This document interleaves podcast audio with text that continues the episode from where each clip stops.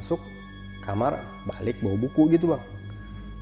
Kayak buku catatan gitulah. daftar gitu ya? Iya, tapi gede bang segini. Gede. Nah dibuka sama dia satu-satu. Itu ada foto. Ada banyak foto nggak cuma satu. Terus ada namanya pakai spidol gitu. Namanya. Dilihat dilihat dilihat dia berhenti satu foto. Iki wong ya? Gue liatin. Ih anjir. Ternyata dari ciri-ciri muka jaket rambut. Nama yang waktu disebutin. Emang itu di situ ditulisnya meninggal hipotermia tahun 2006 asal dari Surabaya namanya itu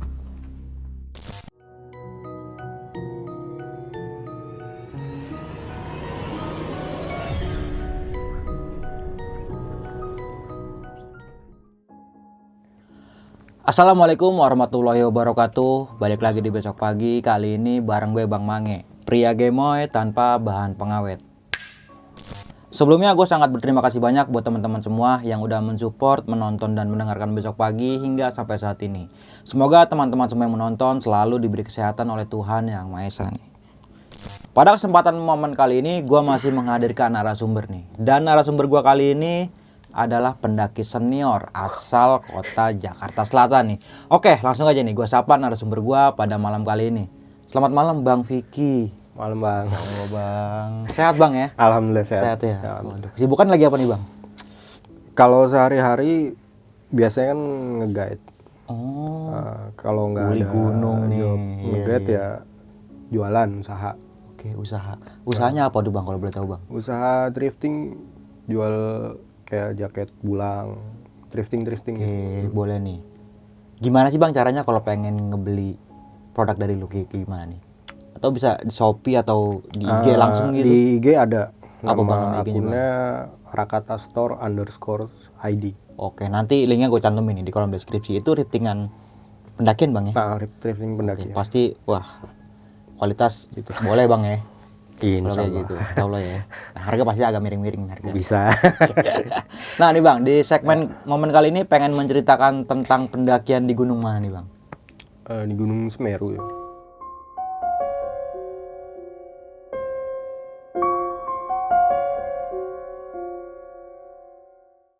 Pasti teman-teman semua penasaran nih sama cerita yang satu ini nih dan lu bisa simak video ini sampai habis nih semuanya. Karena Bang Vicky ini akan menceritakan sebab dan akibat kenapa dia dan rombongannya bisa diteror oleh makhluk yang tak kasat mata seperti itu. Jangan lupa di subscribe, like, comment, and share. Jangan lupa juga nyalakan loncengnya agar teman-teman semua nggak ketinggalan video terbaru dari besok pagi. Dan bagi teman-teman semua yang pengen menjadi narasumber di sini, lu bisa langsung aja kirim via email di besokpagi.gmail.com atau lu bisa langsung DM ke Instagram besokpagi.idv. Nanti linknya gue cantumin nih di kolom deskripsi.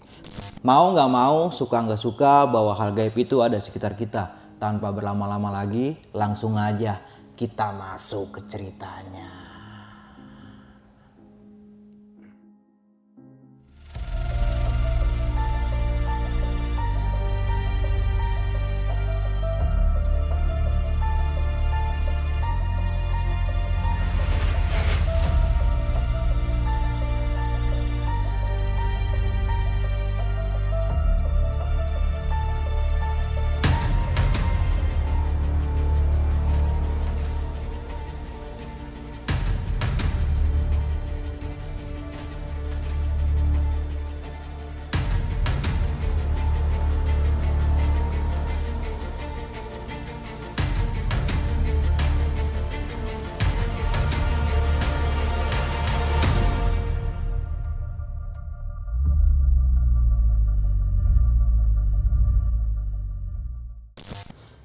Awalnya kan gue udah planning jauh nih sama saudara gue yang mau ke Semeru.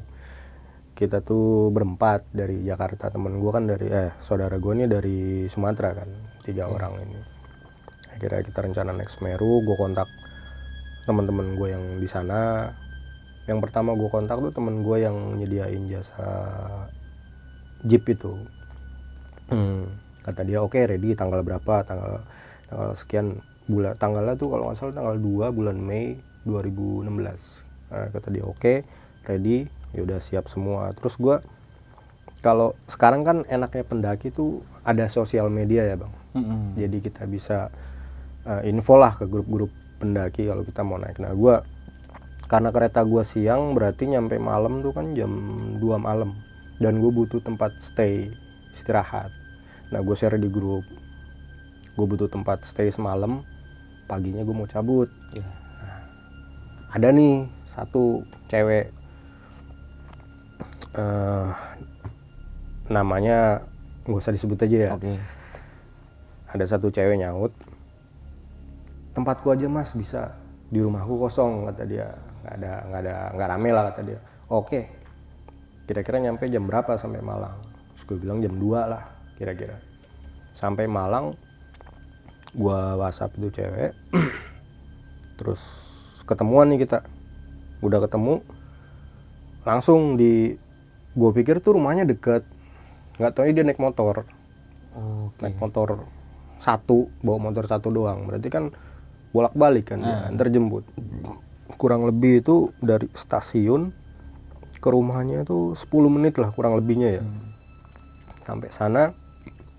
Nah gue suruh nih saudara gue yang satu suruh duluan. Udah bang lu duluan aja dulu. Naik sama si mbak. Habis dia baru gua. Nah pas gua dianterin ke sana ke rumahnya itu rumahnya masuk. Pertama ya jalan gede gitu. Terus masuk gang muat satu mobil lah. Masuk situ itu kanan kiri rumahnya rumah rumah jadul gitu bang. Rumah-rumah tua gitu. Masuk gua ke sana sama si mbak ini terus di ditunjukin ini mas rumahku di sini. Oke. Gue pikir ada saudara gua nih di sini si Andri. Hmm. udah di dalam. Gue main masuk aja kan karena kan dia udah duluan kan. Iya.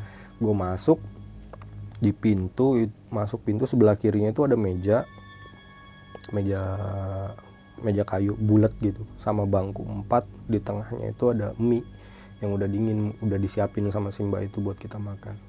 Terus di sebelah kanan itu ada kamar pintunya kebuka gue lihat itu isinya cuma pakaian jemuran. Nah sebelahnya kamar ini ada pintu ketutup. Gue pikir itu toilet. Hmm. karena dikunci kan gue ketok-ketok gue panggil Dri Dri nggak keluar keluar akhirnya gue keluar. Pas keluar tuh ada suara tahu ini nggak rumah yang jendelanya tuh begini. Kebuka gini dari kayu itu begini. Kalau dibuka Oke, iya. jendelanya. Itu kayak suaranya sih kayak suara jendela itu tapi dibanting. Jeduk jeduk jeduk itu posisi udah setengah tiga. Jam dua lewat lah hampir setengah tiga. Gue penasaran kan itu celingak celinguk rumah nyari rumah yang suaranya itu sumber suara itu. Cari cari nggak ada. Nggak taunya si Andri dari jalan itu keluar masuk. Nyamperin gue Hmm. gue tanya lu nggak di dalam tadi? Enggak. Gue di luar takut gue bang. Kenapa? Ada suara pintu dibanting. Oke. Nah, nggak lama suara itu lagi jeduk jeduk jeduk. Akhirnya penasaran gue di sebelahnya ini ada rumah. Dua dua rumah lah ke kanan itu ada dua rumah. Lampunya tuh kuning redup. Terus yang pas sebelah rumah kanan ini gue nggak tahu itu ada orangnya atau enggak cuma lampunya mati cuma di depan terasnya itu kuning redup. Ada hordeng. Terus pinggiran ini kacanya nih pecah gitu bang. Pas gue tengok gitu itu hordeng kayak di abis dibuka terus ditutup lagi. Kayak ada yang ngintip dari situ.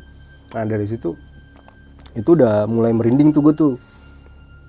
Udah sini aja dulu ngerokok duduk. Jadi gue bawa santai aja.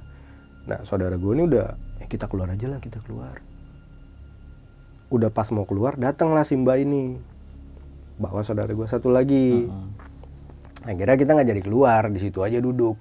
Cuman yang satu lagi nih juga ngerasain ini suaranya aneh nih kayaknya kita keluar aja ya. Akhirnya kita keluar tuh nungguin satu lagi berempat. Ditanya kok nggak masuk nggak ngerokok dulu lagi ngerokok. Udah kumpul semua kita baru masuk. Disiapin kan yang mie itu yang udah dingin itu. Kita makan. Nah lagi makan posisinya gini. Mejanya kan bulat gitu. Di sebelah gue itu kiri gue Andri. Di depan gue itu Dedi.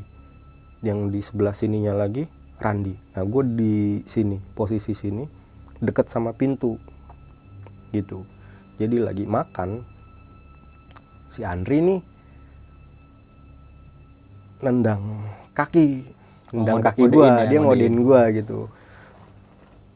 Pailah pailah. Apa bahasa Padang itu pergilah pergilah. Cabut gitu. Hmm.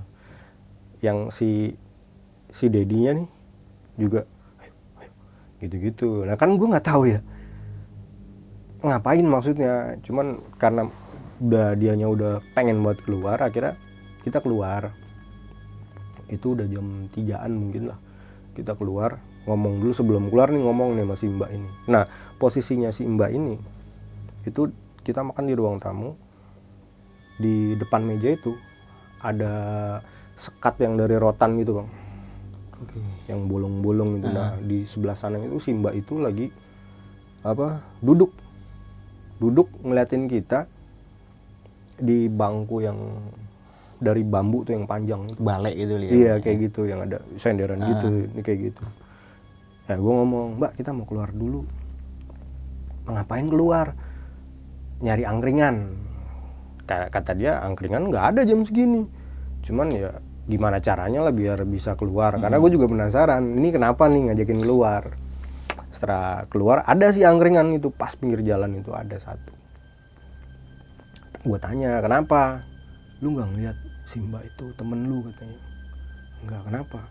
Jadi pas si Andri lagi makan si mbak ini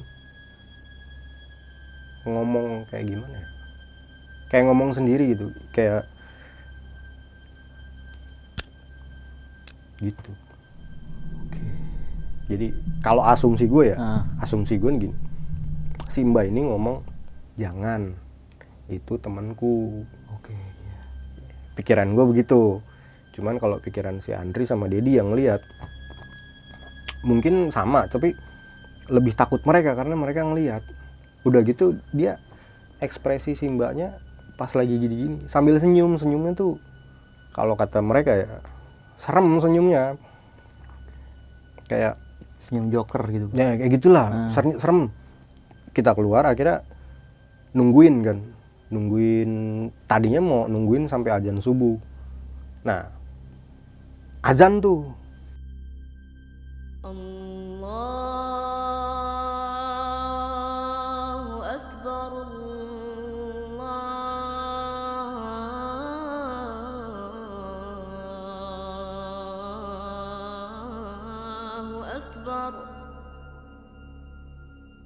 Ternyata azannya kan dua kali di sana. Hmm. azan pertama kita balik ke sono. Balik ke sono. Itu lampu udah dimatiin udah digelar karpet. Pas kita masuk mas ini kalau nggak nyaman tidurnya di apa dinyalain aja lampunya. Ya udah nggak apa-apa gelap aja. Ininya nih apa plafonnya tuh bolong-bolong rumah itu. Bolong-bolong. Jadi kita tidur gelap kan tuh kelihatan tuh nah mungkin si saudara-saudara gue nih kena suges yang itu. Karena mereka habis ngeliat Simba itu jadi ketakutan. Kita tuh tidur gini bang. Gue paling pojok dekat pembatas rotan. Sebelah gue sini si Andri sebelahnya lagi Randi paling ujung sono Dedi. Kita tidur tuh sampai begini. Tangannya berkaitan gitu. Biar nggak ke mana-mana gitu ya. Iya. Iya. berkaitan gini. Gue paling pojok. Nah sebelah sininya tuh Simba itu di Simba lagi tidur di depannya Simba itu mungkin dapur kali ya. Karena gue nggak ngelihat jelas juga mungkin dapur sebelah sana. Dia tidur selimutan begini bener-bener ketutup tidurnya. Nah udah mau tidur nih gue kan tidur begini. Baru mau apa ya lelap lah. Ini kaki itu dilewatin kalau kain gitu mungkin ya. Kerasa tuh bang kan? Oke. kita baru-baru mau merem nih. Terus kaki lu kesenggol kain orang lewat. Iya, iya. lu melek dong. Heeh. pas gue melek depan gue tuh yang tadi gue bilang posisi kanan itu kamar yang kebuka. Yang kiri yang tadinya gue kira toilet Ah. itu ternyata kamar. Gue taunya kamar pas gue melek bangun itu pintu kamarnya udah kebuka sedikit gitu udah kebuka setengah lah. Belum kebuka semua. Terus ada yang masuk ke situ. Ngelewatin kaki eh, ngelewatin kaki gue itu yang kainnya itu. Gue pikir itu orang tuanya. Karena cuman aneh juga Se- karena kan sebelumnya dia bilang rumahnya kosong. Terus ada yang lewat gue pikir ya mungkin orang tuanya atau mbahnya lah. Eh, lanjut tidur lagi. Belum lama baru mau merem lagi si Andri ini pas banget sebelah gue nih. Dia langsung bangun. Bangun duduk. Nggak tahu nih refleks tangan gue langsung gue pukul. Udah tidur lagi diem. Baru dia ngos-ngosan. Bang kayaknya kita cabut deh. Kenapa? Cabut cabut ya udah. Pas Andri kayak gitu gue mikirnya tuh udah mungkin si Andri mau dibawa atau apa kan gue jadi aneh-aneh mikirnya ya. akhirnya gue bilang yaudah kita cabut cabut cabut pas baru bangun beres-beres pas banget tuh ajan subuh yang keduanya. Udah barus apa beres semua. Pamitan nih sama si mbak ini. Nggak ada yang berani. Gue disuruh lu aja itu kan lu temen lu. Teman orang baru pertama ketemu temen. Akhirnya maju ke Simba itu baru mau bangunin gini gue nih. Simba itu kan posisi tidur begini bang. Tadi gue bilang. Baru mau bangunin dia udah buka gini sambil senyum. Mau ke mana mas? Dia bilang gitu. Gue langsung "Ih, anjir serem banget iya bener ya senyumnya serem. Gue bilang mau pamit keluar mau ke stasiun. Kata dia masih gelap tidur aja. Kalian belum tidur kan karena gue ngeliat ke belakang saudara-saudara gue yang tiga itu udah udah rapi semua udah pakai sepatu udah carrier udah digendong maksa balik gue akhirnya balik. Maksudnya ke stasiun keluar. Sampai pas mau keluar itu pun buat apa pamit lah ya. Itu cuma gue doang karena yang tiga nggak berani takut. Takutnya si mbak ini apa ya ya pikiran konyol gue sih gini ya. Dia tuh sendiri sebetulnya di situ tapi ditemenin mungkin dia punya temen yang kita nggak bisa lihat gitu. Karena dari omongan si Andri dia bilang gini ngasih kode gitu. Ya kan pikiran gue jangan itu temen gue mungkin kita mau diganggu sama dia dilarang gitu. Pikiran gue sih gitu. Sampai akhirnya kita di stasiun gue kontak temen gue yang jeep itu. Mas gue udah di stasiun. Oh ya udah mas. Nanti eh, langsung sono disiapin. Maksudnya dia mau turun. Ya udah.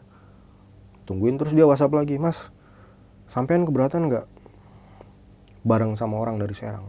Berapa orang? Lima. Oh ya udah nggak apa-apa. Akhirnya lima nambah. Nambah lagi empat nambah lagi tiga sampai akhirnya kekumpul semua tuh 15 orang kita udah mau naik ditahan lagi. Ada satu orang satu dari Kalimantan sendiri. Pas tuh semua kita 16 orang. 16 orang dari stasiun Malang. Nah rumah temen gue ini kan di Tumpang. Kita ke Tumpang langsung ke Tumpang. Terus biar lebih cepet. Karena kata temen gue nih kalau baru dibuka gini ini rame. Ditambah lagi baru masa percobaan simaksi online waktu itu. Oh iya. Heeh, jadi kita disiapin draft buat ngurus simaksi jadi ngurusnya di situ dibantuin sama temen gua. Kan ditanya segala macem kan pakai surat sehat ya.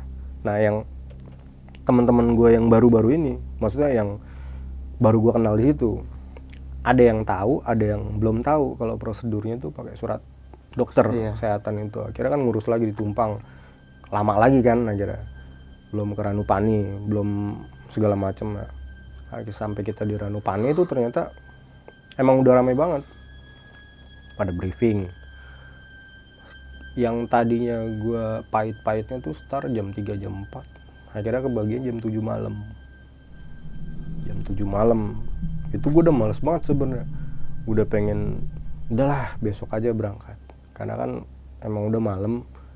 Terus itu rombongan rombongan gue rombongan terakhir 16 orang. Jadi eh, di depan mungkin ada cuma karena kan gue ngelihat dari kan nanya dulu nih, Hmm. udah pernah belum ke ke Semeru? Ada yang lima orang ini? Belum belum pernah. Ada yang baru pertama naik langsung ke Semeru. Jadi eh, kira-kira aja lah eh, speednya kan bisa di apalagi tambahan satu ada bawa cewek satu.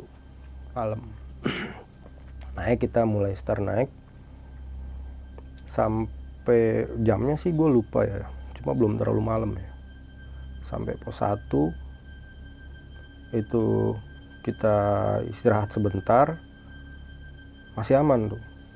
Naik lagi ke pos 2 itu kita rest dulu. Kita rest udah mungkin jam 9 setengah jam 10 mungkin sekitaran segitu masak mie nah buat makan-makan dulu kan masak mie gue ngopi ngerokok udah beres lanjut lagi nih naik lanjut naik sampai sebelum waktu rejeng itu pos 3 eh, jembatan itu loh Jembatan kayu merah ya. Nah, hmm, Iya. kita rest lagi di situ. Rest sebentar di situ. Kan itu masih di jalur, Bang ya. Jadi kita agak nyender ke tebing itu yang sebelah kanan itu situ semua nyender. Udah rest ngerokok, beres. Nah, yang perempuan ini muntah-muntah. Yang bikin lama kita jalan karena ada perempuan muntah-muntah di situ. Ya, jadi lama udah mau jalan nih ada satu eh, rombongan gue ini yang dari dia dari Manggarai dari Jakarta juga. Ini lucu sih. Dia tidur gini. Jadi kakinya ditekuk gini tidur di jalur. Bang. dibangun sama temennya. Itu gue di sebelahnya. Dibangunin. Eh bangun bangun bangun. Kita jalan lagi. Pas mau diangkat tangan dia gini. Sopo kowe? jadi si si Join namanya si Jo yang orang Manggarai ini ngomong sopo kowe lucunya dia itu nggak bisa bahasa Jawa bukan orang Jawa nggak ada darah Jawa. Terus ngomongnya sopo kowe yang gue inget banget pas dia gue dia kan duduk bang gue berdiri. Jadi pas dia begini gue tuh ngeliat bentuk mukanya tuh matanya nih putih ini bang. Oke. hitamnya tuh jadi kayak di dalam gini. Ih, gini. Gue ngeliat wah nggak beres nih. Udah bang bangunin cabut cabut. Pas sudah dipaksa bangun kok dia ngomong eh ini di mana? Dah. Nanya di mana? Maksud gue tuh kan dia bareng-bareng nih sama kita nih pas dibangunin dia nanyanya nanya posisi ini di mana. Kira udah udah makin nih feeling gua ini anak nggak beres pasti. Udah kita cabut. Cabut lewat pos 3 mungkin teman-teman pendaki paham lah ya pos 3 water jeng itu kan gimana. Apalagi kalau malam. Saya kira gue bablasin pos 3 terus.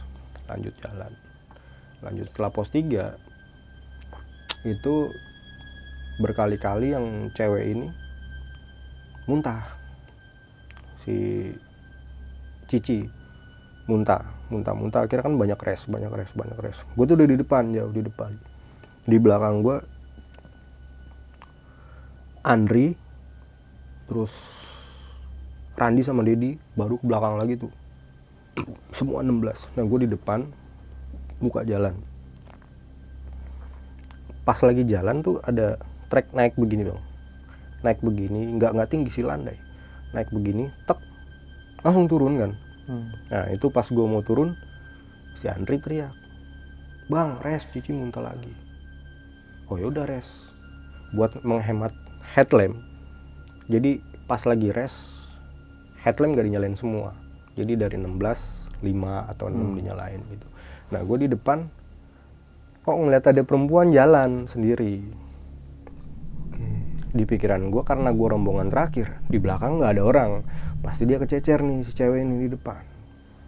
Terus gue samperin dipanggil bang tunggu. Ya udah res gue ke depan dulu. Gue bilang gitu. Karena gue pikir si Andri juga ngeliat gue mau ke mana tujuannya. Ada cewek di depan. Ngobrol gue panggil. Mbak bareng. Ngobrol tuh nanya temennya ke mana? Di depan. Oke. nah mbaknya kok sendiri iya tadi ketinggalan saya mas. Cuma bawa depek doang gitu bawa depek. Akhirnya ngobrol dari mana? Kalau katanya itu kata dia itu dari Surabaya dia bilangnya. Kita ngobrol-ngobrol berapa orang nanya. Biasalah bang kalau pendaki bahasa basi kan Bahasa basi ujung-ujungnya kenalan gitu. nah iya. Kan intinya itu. Iya, intinya itu. apalagi di jalan cewek sendiri kan. Hmm. Malam-malam malam-malam. ya udah. Udah ngobrol gitu si si Andri nih bang aman teriak gitu. Aman? Aman gue bilang. Terus nah si cewek ini mas temenmu kayaknya lama. Temen gue maksudnya. Kan rest dulu. Aku duluan aja. Takut ganggu nggak enak nggak apa-apa bareng aja. Cuma dia maksa buat duluan. Dia duluan tuh jalan. Nggak lama dia jalan si Andri nyamperin gua. Ngapain lu ngomong sendiri? Oke. si Andrinya bilang gitu. Ah ngomong sendiri. Cuma gua nggak bilang kalau gua ngomong sama cewek. Pikiran gua jarak dia kan sama gua lumayan ya. Dia di atas gua di bawah. Satu lagi waktu dia teriak itu ngelihatnya cuma headlamp gua headlamp dia mati. Hmm. jadi mungkin dia ng- nggak ngeliat gue lagi ngobrol sama si si cewek ini. Pikiran gue mah gitu. Udah gitu dia udah di belakang ngomong kayak gitu gue gue jalan nih berusaha untuk ngejar si cewek ini. Jalan turun tuh bang. Turun langsung patah. Patah ke kanan. Itu gue masih ngeliat ujung badan dia pas lagi belok. Ke kanan itu pas udah nyampe di ujung langsung belok itu udah nggak ada yang gue lihat itu polis line terus ada bekas longsor sisa trek jalurnya itu cuma segini nah dari situ ngeliat kosong gitu keadaan yang gue lihat kayak gitu gue balik lagi ke belakang Oke. gue nyuruh Ri bareng sini buruan karena gue udah sadar kan Hmm. kalau ini bukan bukan orang lah. Gitu. sadar di situ. Kenapa? Udah bareng aja minta rokok sini. Tadi ngerokok lu udah ngerokok jalan kita naik udah sampai atas kelihatan tuh tenda-tenda tuh Ranukumbolo tuh kan udah kelihatan. Jam berapa itu? Jam 3 pagi. Kita baru nyampe Ranukumbolo itu masih kepikiran tuh. Ini bakalan aman nggak? Maksudnya buat kelanjutannya ya kan. Karena udah dari awal start gue udah udah dari Malang tuh udah kayak gitu. Hmm. jadi mikirnya bakalan aman nggak? Akhirnya udah beres-beres makan tidur bangun pagi sarapan. Pas mau naik ribut nih orang yang dari Serang. Yang dari Serang kan lima. Yang suami istri ini pengantin baru dua tiga nih temennya. Jadi mereka nih ngeributin mau lanjut ke puncak atau stay di sini. Karena rencana mereka cuma stay di Ranukumbolo Oke. nah, ribut. Cuma yang tiga kan baru ke Semeru mikirnya wah sayang gua kalau sini nggak ke puncak. Ribut akhirnya. Masalahnya ini mereka nih dibayarin sama yang suami istri. Oke.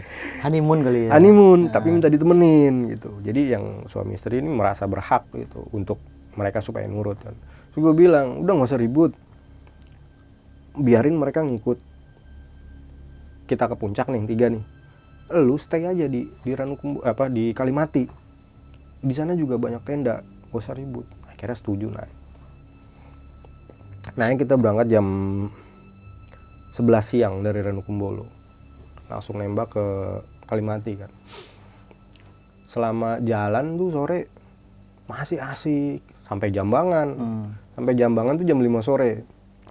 Jam 5 sore udah selesai foto-foto gua habis ngerokok jalan lagi. Baru mau jalan dari Jambangan ini ada yang surupan. Bukan rombongan gue orang lain kesurupan terus gue liatin mas bisa nggak? Kenapa? Gak apa-apa bro aman. Oh ya gue ngeliat juga masih ada pendaki kan. Cuma dia nggak tahu sembuh atau enggak gue nggak tahu lah. Gue kan pikirinnya tim gue aja udah. Jalan jalan. Nyampe Kalimati itu kan banyak pohon-pohon yang diikat itu kan. Ikat putih itu. Ada yang nanya ini pohon kenapa ya diiketin gini? Lalu tadi briefing kenapa nggak dengar ngapain tidur? Ya akhirnya kan ngejelasin lagi kalau ini nggak boleh kalau itu di situ kan ada larangan. Oh ya udah. Kita akhirnya nyebrang ke yang sebelah sananya tuh yang banyak. Tapi yang bukan di pos ujung itu bang bukan. Oh, bukan yang ada shelternya ya? bukan ada shelter itu bukan. Pokoknya deretan situ masih satu garis. Kita kita camp di situ jam berapa ya? Maghrib mungkin. Maghrib. Nah kan stok air tuh nggak ada ya. Akhirnya gue suruh nih orang dari Bekasi ngambil air ke sumber mani. Maghrib maghrib padahal kan nggak boleh kan batasnya tuh jam 5 cuma daripada daripada kan Iya. yang kebetulan bagus sih ya inspirasi nggak boleh ditiru ya. Akhirnya mereka ngambil balik lagi kita selesai masak. Nah gue foto-foto tuh karena kan seneng kebetulan seneng foto jadi foto langit malam itu. Gue bawa tripod bawa kamera terus ke arah yang pohon diiketin itu di Kalimantan itu. Moto jongkok moto. Langsung ke Semeru itunya itu kan. Kelihatan. Baru dua kali dua kali nge-shoot nih waktu itu sih gua anggapnya gua gua nganggap diri gua nih halu. Karena suara si cewek yang tadi gue temuin yang gua ajak ngobrol dia tuh ngebisikin jangan naik jangan naik. Sampai tiga kali. Jangan naik jangan naik. Pokoknya tiga kali itu langsung cabut gua beres-beres langsung gue balik ke tenda. Balik ke tenda saudara gue nanya kita puncak jam berapa? Ya gue jelasin jam 12 malam. Makanya nih abis ini kan kita udah makan semua nih. Lu tidur tapi gue nggak ke puncak. Loh kan perjanjiannya kita summit itu dadakan aja bang. Jadi gue mutusin nggak summit karena ya Oke, karena bisikan itu bang. bisa kan itu yang tiga kali justru supaya jangan naik gitu. Meskipun udah gua nganggap gua halu tapi masa iya ya halu? Gua berapa kali halu? Akhirnya gua bilang gua gak naik. Tapi gua karena merasa punya tanggung jawab jadi gue bilang gue bakal nemenin lu sampai Arcopodo doang Sebelum lanjut ke cerita, untuk kalian yang ingin menjadi narasumber di besok pagi dan mempunyai cerita horor dalam pendakian, kalian bisa kirim cerita kalian ke Instagram official besokpagi.idv atau melalui email besokpagi.ch@gmail.com. setelahnya kan pasti banyak mendaki naik lu tinggal ngikutin arah mereka cuman yang harus lu inget kalau lu denger teriakan batu rock lu harus minggir Hmm. nah itu karena bahaya. Batu sekecil gini kalau kena kepala lu dari atas bocor. Iya. terus satu lagi kalau turun jangan terlalu ke kanan. Nanti lu masuk ke blank 75 itu itu bahaya. Sama lu harus inget entry point lu ketika sampai puncak supaya lu nanti turunnya nggak geser dari jalur yang tadi lu naik. Gue pesennya gitu sebelum pisah di Arcopodo kan. Jam 12 setelah briefing naik nih kita nih nggak semuanya naik ada yang tinggal suami istri tinggal dari Surabaya tinggal dua orang dari Sulawesi satu tinggal. Enam sama gue yang eh sama tujuh sama saudara gue si Dedi nggak naik udah. Gue naik nemenin mereka baru pertengahan jalan itu pendaki yang sebelumnya naik tuh stuck berhenti. Karena itu kan baru dibuka ya jadi ada jalur yang ke arah Arcopodo itu ketutup longsor. Nah kesalahannya yang di depan tuh nggak ngelihat sign nggak ngelihat tanda. Akhirnya gue mutusin ngelambung nyari tanda puncak ketemu. Naiklah kita semua ke sana sampai sebelum perbatasan klik lah itu. Sebelum perbatasan klik gue bilang udah ya sampai sini gue lanjut turun. Lu lanjut aja semua. Hmm. masalahnya lagi. Headlamp gue tuh gue kasihin ke Andri. Karena dia cuma bawa senter yang kecil itu loh bang. Tau nggak yang kecil? Yang di tangan begini bang. iya. Ya, center tangan ya. senter Kecil. tangan ya. yang kecil itu. Nah error pula ini senternya ini. Jadi ditabok dulu baru nyala. Karena gua kan turun ya jadi nggak terlalu menurut gua sih nggak terlalu krusial gua. Jadi udah lu pakai headlamp gua nih senter lu sini kasih. Turun. Pas gua turun tuh orang pada naik semua kan. Kenapa mas turun? Ditanyain. Enggak cuma sampai sini nemenin dah bla. sampai habis tuh nggak ada pendaki lain. Pas lagi turun ini senter mati. Senter mati tabuk gini nih bang gue tabuk tabuk gini posisi kan gini gue di atas ini jalan turun kan kita lagi turun gitu. Tuh treknya masih belum ketemu tanah belum ketemu simpangan yang tadi orang stuck tadi. Ah. itu masih pasir sama batu treknya itu. Tabuk gini. Kelap kelip tuh. Cek cek cek. Tek nyala. Pas sorot kan ke bawah tuh. Itu ada orang di bawah. Ya sebutnya lah kuntilanak lah ya. Cuman bentuknya tuh nggak solid. Kalau yang gue lihat ya nggak kayak kita nih kan padet nih. Mm-mm. dari jauh juga kelihatan padat. Itu nggak solid kayak berbayang gitu. Ini apa gua halu lagi? Gue seret gini. Lihat gini. Tuh ini mah bukan orang.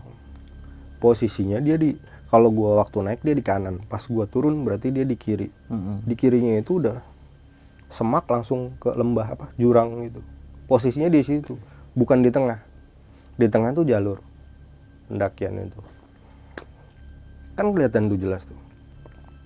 Mati lagi senter. Mati tabuk lagi nih. Nyala ini masih ada. Masih ada diem di situ. Kebingungan gue tuh gini kalau gue nungguin gue harus nunggu berapa lama? Kalau gue harus turun berarti gue harus papasan. Kan pilihannya dua itu aja kan. Nah udah gitu gue nggak milih dua-duanya. Gue coba cari-cari jalur-jalur lain. Karena yang di sebelah kanan tuh gue lihat masih masih bisa dilewatin manusia lah. Hmm. masih bisa buat dilewatin gue lah masih bisa jalan. Cuman memang konturnya beda yang jalur normal dia emang begini lah Nay. cuma yang sebelah sini apa ya lebih rendah daripada yang ini jadi pas gue ngambil ke sini gue tuh masih bisa ngeliat kepala sama ini ya, Oke. si ya kuntilanak lah ya itulah Masih kelihatan masih gitu. kelihatan pas dinyalain gini kan gue langsung lari tuh udah nyala lari gue bang turun saat saat saat saat, saat. Berhenti pas perkiraan gue karena gue di bawah dia di atas perkiraan gue sih pas nih posisi gue pas gue nengok ya kelihatan kepalanya sama ininya. Tapi dia diem aja. Nggak apa ya nggak nggak nengok nggak nggak. Terus jalan itu sampai kan rumput itu semak tinggi tinggi bang segini. Jadi gue nggak tahu nih apalagi keadaan malam center error. Jadi gue nggak tahu eh, yang ini apakah konturnya bener kayak gitu seterusnya atau ada yang jeblok gitu kan nggak tahu. Sampai kesandung kebeset jatuh jalan ya. Terus pas udah kelihatan yang cabangan itu itu gue berhenti lagi situ. Nengok ke belakang nengok ke atas yang jalur yang cabang. Nanti kan bakalan ketemu begini sama yang cabangan buntu tadi ke atas. Itu gue mikir kalau gue lanjut terus ke sini nanti tiba-tiba dia nongol jang. Gue udah kayak bayangan gue kayak film-film horor gitulah. Udah kesuges gitu. Akhirnya diem. Diem tapi 5 menit 10 menit aja kita udah dingin. Karena turun itu kan udah keringetan. Takutnya gue kenapa-napa bablas aja turun. Bablas sampai lari. Sebelum kita ketemu Kalimati itu kan start naik tuh yang ada shelter itu mulai naik situ kan Iya. situ itu kayak pohon-pohon gue nggak tahu jenis pohon apa ya. Cuma ada bunga-bunganya gitu tuh. Kayak bentuk labirin tuh kayak gitu. Kayak pohon tinggi gitu. iya. Itu pas lewat situ tuh yang gua sorot bawah aja. Karena jalannya kan pohonnya tinggi tuh gini. Takutnya kalau pas belok gua sorot ke depan ada mendingan gua sorot ke bawah. Langsung gua bablasin. Bablas ke bawah sampai alhamdulillah tuh sampai ke bawah. Itu udah pendaki udah nggak ada tuh. Tendanya mah banyak. Akhirnya gue balik ke tenda gue balik ke tenda gue masuk ngeliat saudara gue Dedi tidur tuh pakai sleeping bag begini. Nah gue kalau tidur biasanya denger musik di handphone. Jadi handphone gue nyalain. Cuma lagu gue tuh random. Random ada yang Jawa ada yang gending ada yang Padang ada yang macam-macam random nah pas lagi tidur itu gue udah merem tuh. Lampu kan nyala tuh bang. Lampu tenda. Jadi kalau kita tidur gini kelihatan lampu tapi kalau ada yang ngalangin kan kelihatan ya, Hmm. berasa gelap gitu. Pas gue melek itu si Dedi jadi muka gue ditompo begini. Dia ngeliatnya begini. Sambil ini pipi gue digini. Ini beneran lu. Gitu ini eh ngapain lu? Ini beneran lu? Iya. Kenapa emang? Oh yaudah dia lanjut tidur lagi terus musiknya jangan dinyalain kata dia. Gue nggak nanya nggak nanya apa apa karena udah capek kan udah ngantuk tidur. Bangun siang masak muter-muter. Yang lucunya si Dedi bangun.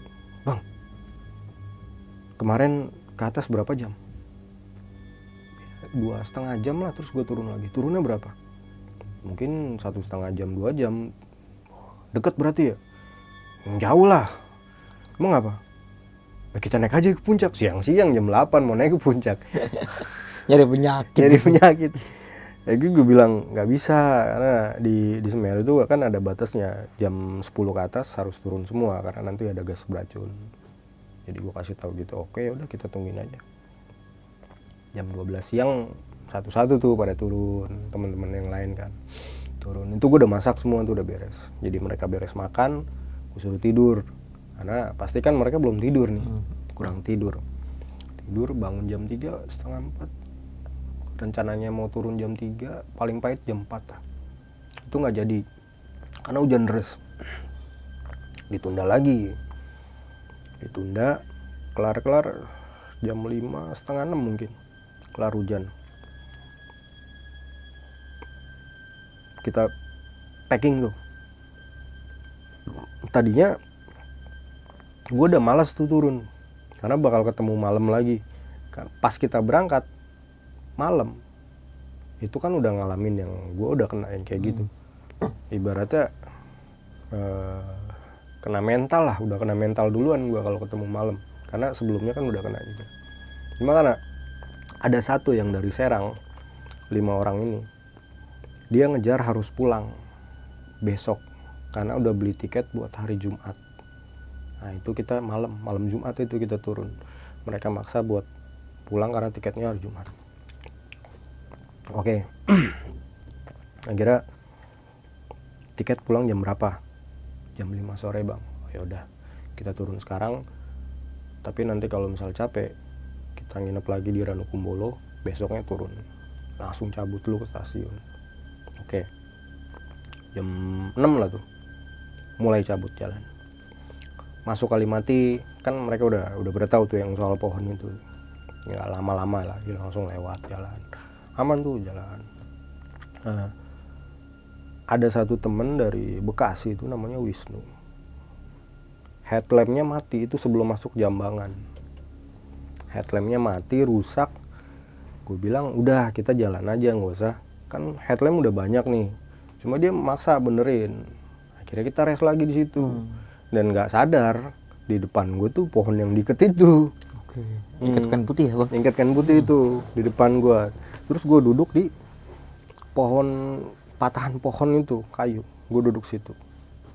Pas gua ngerokok anjir ini pohon ini nih diikat cuma biar eh, apa ya biar nggak nggak nggak nggak down. Mikir positifnya ya nggak apa-apa udah kita istirahat doang. Nah lagi sibuk nih kan pada bantuin benerin headlamp. Si cewek ini bilang bang jalan aja sekarang jalan jalan jalan. Tapi nggak nggak ngeliat ke gua. Dianya nunduk gitu. Dia nunduk. Ini aneh nih kayaknya. Terus udah nu beres belum? Belum bang udah. Lu pakai headlamp gua sini. Gua pakai center nggak apa-apa bang. Lu pakai headlamp lu aja gua biarin dah ini. Jadi ya, headlampnya nggak bener dia nggak pakai headlamp juga kan. Maksud gua kan buang waktu jadi kan. Lepas dari tempat itu jalan mau masuk jambangan tuh. Pos jambangan kalau dari arah Kalimat itu ada pohon yang kayak begini bang. Kayak bikin kanopi gitu lah kayak gitu. Nah sebelum masuk situ tuh gue bilang "Eh, sebelum masuk sini kita berhitung dulu. Jadi buat ngeyakinin jumlah. Terus eh, jaraknya jangan terlalu jauh karena udah malam. Udah sebelum masuk berhitung gue gue teriak berhitung belakang gue langsung dua. Sampai ke belakang berarti 15 karena kan gue nggak ngikut hitung satu kan. Iya. Nah, masuk ke jambangan udah tuh jalan.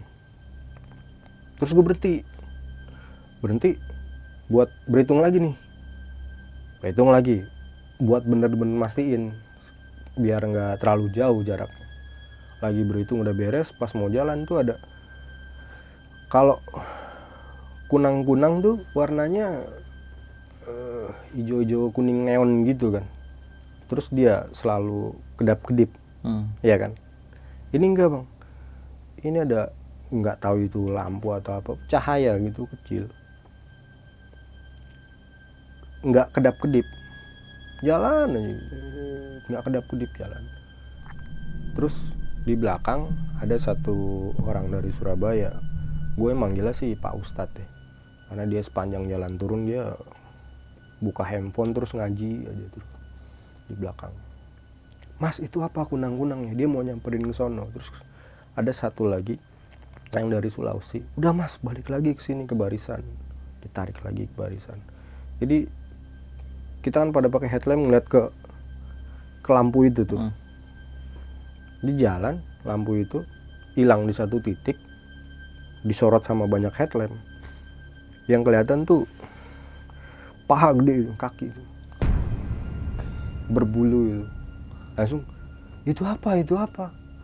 Kenapa eh, yakinnya gue yakinnya itu kaki? Karena kita siang udah di situ udah ngeliat itu nggak ada pohon yang bentuknya begitu. Berbulu hitam berbentuk kaki ke atas. Akhirnya udah rapet kita cabut lagi jangan lama-lama di sini. Cabut tuh. Jalan.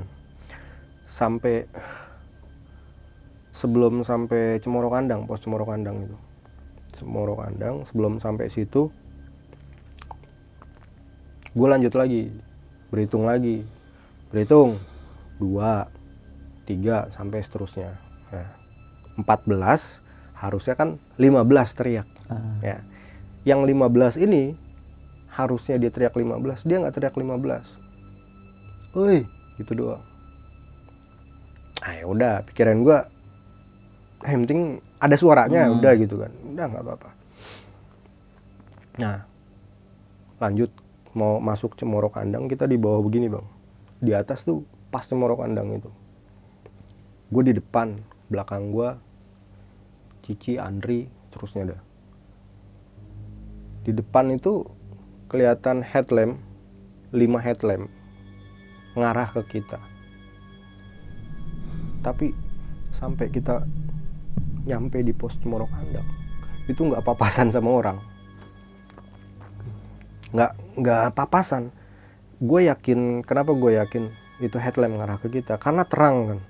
Kalau dia madep sesuai jalan kita, kan nggak mungkin terang kayak lampu Hmm. headlamp gitu enggak kan nah yang di belakang gue juga nanya bang kok tadi orang tadi nggak ketemu ya kita jadi udah pada ngeh nih sampai Cemoro Kandang itu kan bisa buat tempat tenda lah itu yang benar nggak ada orang. Akhirnya kita bablasin cabut sampai Ororombo sampai Ororombo tuh eh, ada dua jalur kan bang. Yang satu kita nerabas ke tengah yang satu kita melipir. Iya, ke arah kanan ya. kanan ke atas kan. Heeh. Nah, gue diskusi dulu sama teman-teman. Ini gimana nih?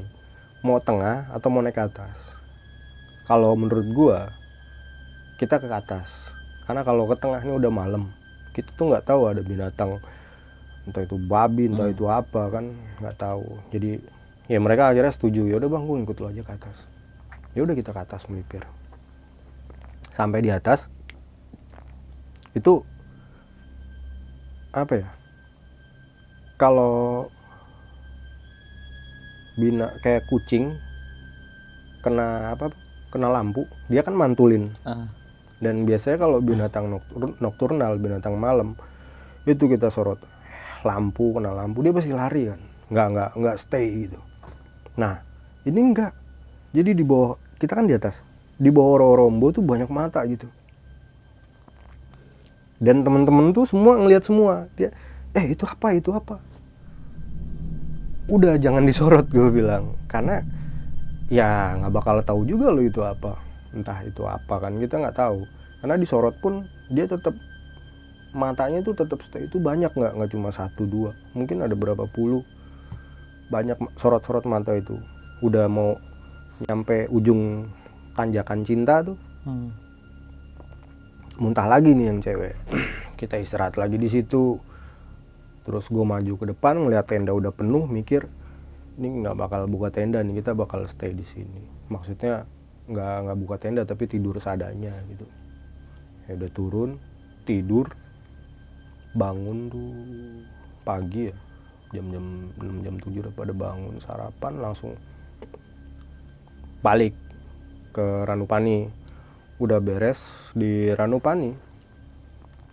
Lanjut gue nelpon temen gue mas aku udah turun. Dijemput kira dijemput ternyata si mas itu udah ada di parkiran yang deket eh, danau itu tuh Ranupani yang belakang itu Hmm. parkiran situ. Dia udah nungguin situ. Akhirnya kita turun semua ke rumahnya beres-beres prepare segala macem.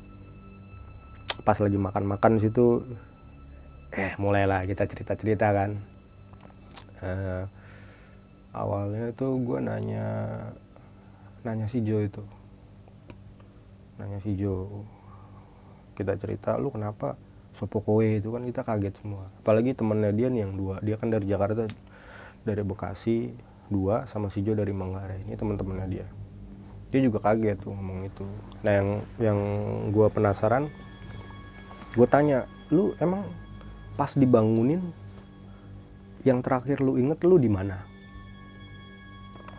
Gitu. Karena kan kita ngebangunin dia sebelum Waterjeng itu setelah jembatan itu kan dia ngomongnya enggak. Bukannya tadi kita lagi istirahat di pos 2 gue tidur di situ bang di pos 2 karena lu pada istirahat pada makan. Karena di pos 1 kan kita istirahat sebentar nggak makan. Ya, dia ingatnya di situ. Nah terus lu beneran nggak tahu kalau maksudnya beneran lu ingatnya cuma di pos 2 itu? Beneran bang. Gua nggak tahu. Makanya pas gue bangun ini di mana pas dibangunin itu dia nanya ini di mana? Nah jadi dari pos 2 sampai tempat terakhir yang sebelum motor jeng itu dia nih ke mana? Iya. ya kan? Dia nih ke mana? Hmm. itu. Habis itu bingung semua nggak ada yang tahu. Cuma ya udahlah buat cerita kan. Terus gue tanya lagi. Akhirnya kan banyak tuh yang yang mau cerita kan. Yang mau cerita. Terus tapi gue belum nyeritain yang gue ketemu si cewek itu. Belum maksud gue biarin dah gue simpen dulu deh. Gue pengen tahu belakangan aja biar yang gue pengen tahu teman-teman yang lain aja gitu maksudnya. Sampai cerita si Andri. Si Andri juga nanyain lu waktu pas kita naik ngomong sendiri lu? Gue liat. Ah ngomong sendiri. Enggak lu lu. Gue nggak ngomong itu gue ngerokok. Lagi kalau namanya ngerokok kan hau hau hau. Iya. lu ngeliat mulut gue kayak orang ngomong. Gue gitu-gitu aja. Cuma dalam dalam hati gue juga udah takut juga nih. Gue ngomong sama siapa berarti? Si Andri nggak ngeliat gue ngomong kan? Dan satu lagi gue tanya eh, sama yang itu yang di Jambangan. Pas semua orang ngelihat lampu itu. Terus lu setelah lampu itu si cahaya itu mati yang lu lihat apa? Sama semuanya. Kaki. bentuknya kaki berbulu bang. Oke. oke. Udah nih yang satu udah beres nah kan? Terus eh, si perempuan ini si Cici baru dia cerita lagi. Bang aku mau ngasih tahu nih bang. Pas lampunya bang Wisnu mati kan aku minta buru-buru. Iya itu kenapa? Di belakang abang ada perempuan. Deket pohon yang diikat itu. Lu ngeliatnya gimana? Apa dia lagi diem? Enggak bang. Dia gini. Ini pohon diikat bang. Gede segini lah mungkin. Dia ngeliatnya gini. Yang menurut si Cici ini ya dia ngeliatnya perempuan itu begini aja. Terus balik lagi makanya dia minta buru-buru. Terus dia juga nanyain si Cici ini sama Andri sama suaminya tuh pas sebelum kita nyampe Cemoro Kandang kan ngeliat headlamp itu. Itu ke mana ya orang-orang itu lima itu? Kok kita nggak papasan? Nah ya berarti kan gua nggak halu dong. Yang ada juga yang lihat Ngeliat kan. semua, Bang, ya? ngeliat semua kan akhirnya. Nah, satu tuh yang Pak Ustadz itu bang dia paling belakang. Yang harusnya dia waktu berhitung dia harusnya ngomong 15 tapi yang kedua kalinya berhitung dia cuma oi. Nah kata dia nih mah gua nggak tahu dia yang halu atau gimana. Alasan dia nggak nyebut 15 karena dia ngelihat di depan dia ada orang. Jadi 4 13 nyaut kan? 13 14 harusnya dia bilang 15 kok di depannya ada orang terus diem? Ah di situ seingat gue ya mulai dari berhitung itu dia nggak ada nggak ada suara nggak ada ngomong. Cuma dia tetap jalan. Cuma ngaji aja jalan. Ambil baca Quran itu sampai orang-rombo itu. Udah beres. Cuman gue bilang "Eh, Pak Ustadz yang ente lihat itu bukan orang mungkin. Ente mungkin halu. Nggak kok mas ini orang Surabaya. Nggak kok mas aku tuh ngeliat bener-bener dia pakai carrier. Lah terus hilang-hilangnya di mana? Hilang-hilangnya pas kita di Ororombo itu. Masuk Ororombo kan kita itu kan agak luas tuh kan bang. Jadi kita diskusi situ aku cari-cari itu nggak ada ya mas cuma aku nggak berani ngomong di situ. Aku udah takut. Si Aryanya eh, si Arya Pak Ustadz itu ngomong kayak gitu. Udah selesai ya udah. Ini mah buat kenang-kenangan aja cerita-cerita kita. Siapa tahu nanti kalau kita naik lagi ada cerita lagi yang bisa buat kita ceritain. Nanti gue sih bilangnya gitu. Mereka akhirnya mandi ada yang mandi ada yang packing. Temen gue nih datang yang jeep itu. Piye mas? Aman aman. Oleh opo maksudnya dapat apa gitu? Oh akhirnya gue berani cerita nih sama dia. "Eh, ini anak-anak ya gue ceritain cerita anak-anak yang tadi gini. Loh terus sampean? Ini mas. Ini aku nemuin perempuan. Gue cerita sama mas itu kan. Perempuan gimana maksudnya? Ya udah gue ceritain lagi. Awal gue ketemu si perempuan itu terus ciri eh, fisiknya bentuknya namanya asalnya. Gue ceritain sama mas. Alamak oh ya wis saya maksudnya tunggu bentar. Dia masuk kamar balik bawa buku gitu bang. Kayak buku catatan Pendaki, gitulah. daftar gitu ya? Iya, Iya. tapi gede bang segini. Ah. gede. Nah dibuka sama dia satu-satu. Itu ada foto. Ada banyak foto nggak cuma satu. Terus ada namanya pakai spidol gitu namanya. Dilihat dilihat dilihat dia berhenti satu foto. Iki wonge? Gue liatin. Ih anjir. Ternyata dari ciri-ciri muka jaket rambut nama yang waktu disebutin emang itu. Di situ ditulisnya meninggal hipotermia tahun 2006 asal dari Surabaya namanya itu. Dan fotonya gue inget banget foto di situ. Wah gue merinding ini bang. Naik semua ini. di foto itu kalau kantong jenazah sebelum di ini kan di foto di, di setengah ini masih kelihatan. Jadi gue ngeliat jaketnya. Oke, ya warna jaketnya bang. warna jaketnya gue ngeliat rambutnya mukanya. Itu orang itu dia 2006 meninggal hipotermia di situ. Asal Surabaya. Dari situ wah anjir. Maksud gue gila. Ini dari 2006 terus gue ketemunya 2016 kan. Terus kata eh, temen gue wis rapa puda nggak apa-apa. Nggak nggak cuma lu kok katanya. Eh mungkin udah ada beberapa orang yang ketemu sama si cewek itu kan Hmm, selain gua gitu. Akhirnya ya udah kita beres. Udah ketawa-ketawa udah itu udah ya jadi jadi ada mungkin jadi pelajaran jadi kenangan juga kan apalagi buat teman-teman gue yang baru-baru naik gunung gitu itu aja sih Oke nih bang, thank you banget nih bang ya. Udah pengen berbagi pengalaman pendakian lu di Gunung Semeru ya. Siap. Pada tahun 2016 nih. Dan kita doakan semoga eh, almarhumah yang meninggal karena ya. hipotermia itu bang ya. Hmm. Semoga ditempatkan di surganya Allah Taala dan bagi keluarga yang ditinggalkan semoga diberi ketabahan dan selalu diberi ketabahan. Serta kita doakan juga nih buat teman-teman kita yang ada di Jawa Timur, di terkhusus di bawah kaki Gunung Semeru, bang ya. ya. Kita tahu kan bahwa kemarin itu kejadiannya sangat bencana yang sangat dahsyat Hmm, banget bang dan teman-teman semua pasti kuat kok semua ya Iya, pasti kuat ngejalanin ini semua dan bagi para korban semoga ditempatkan di surganya Allah Taala dan bagi keluarga dan kerabat atau teman saudara-saudaranya yang ditinggalkan Hmm. semoga diberi ketabahan dan selalu diberi kesabaran oke mungkin itu aja dari gua Bang Mange dan juga Bang Vicky Bang Vicky ya bukan Viking bukan Bang ya Bukan. Vicky ya. Vicky aja. Gua pamit undur diri sampai jumpa di video selanjutnya. Wassalamualaikum warahmatullahi wabarakatuh. Waalaikumsalam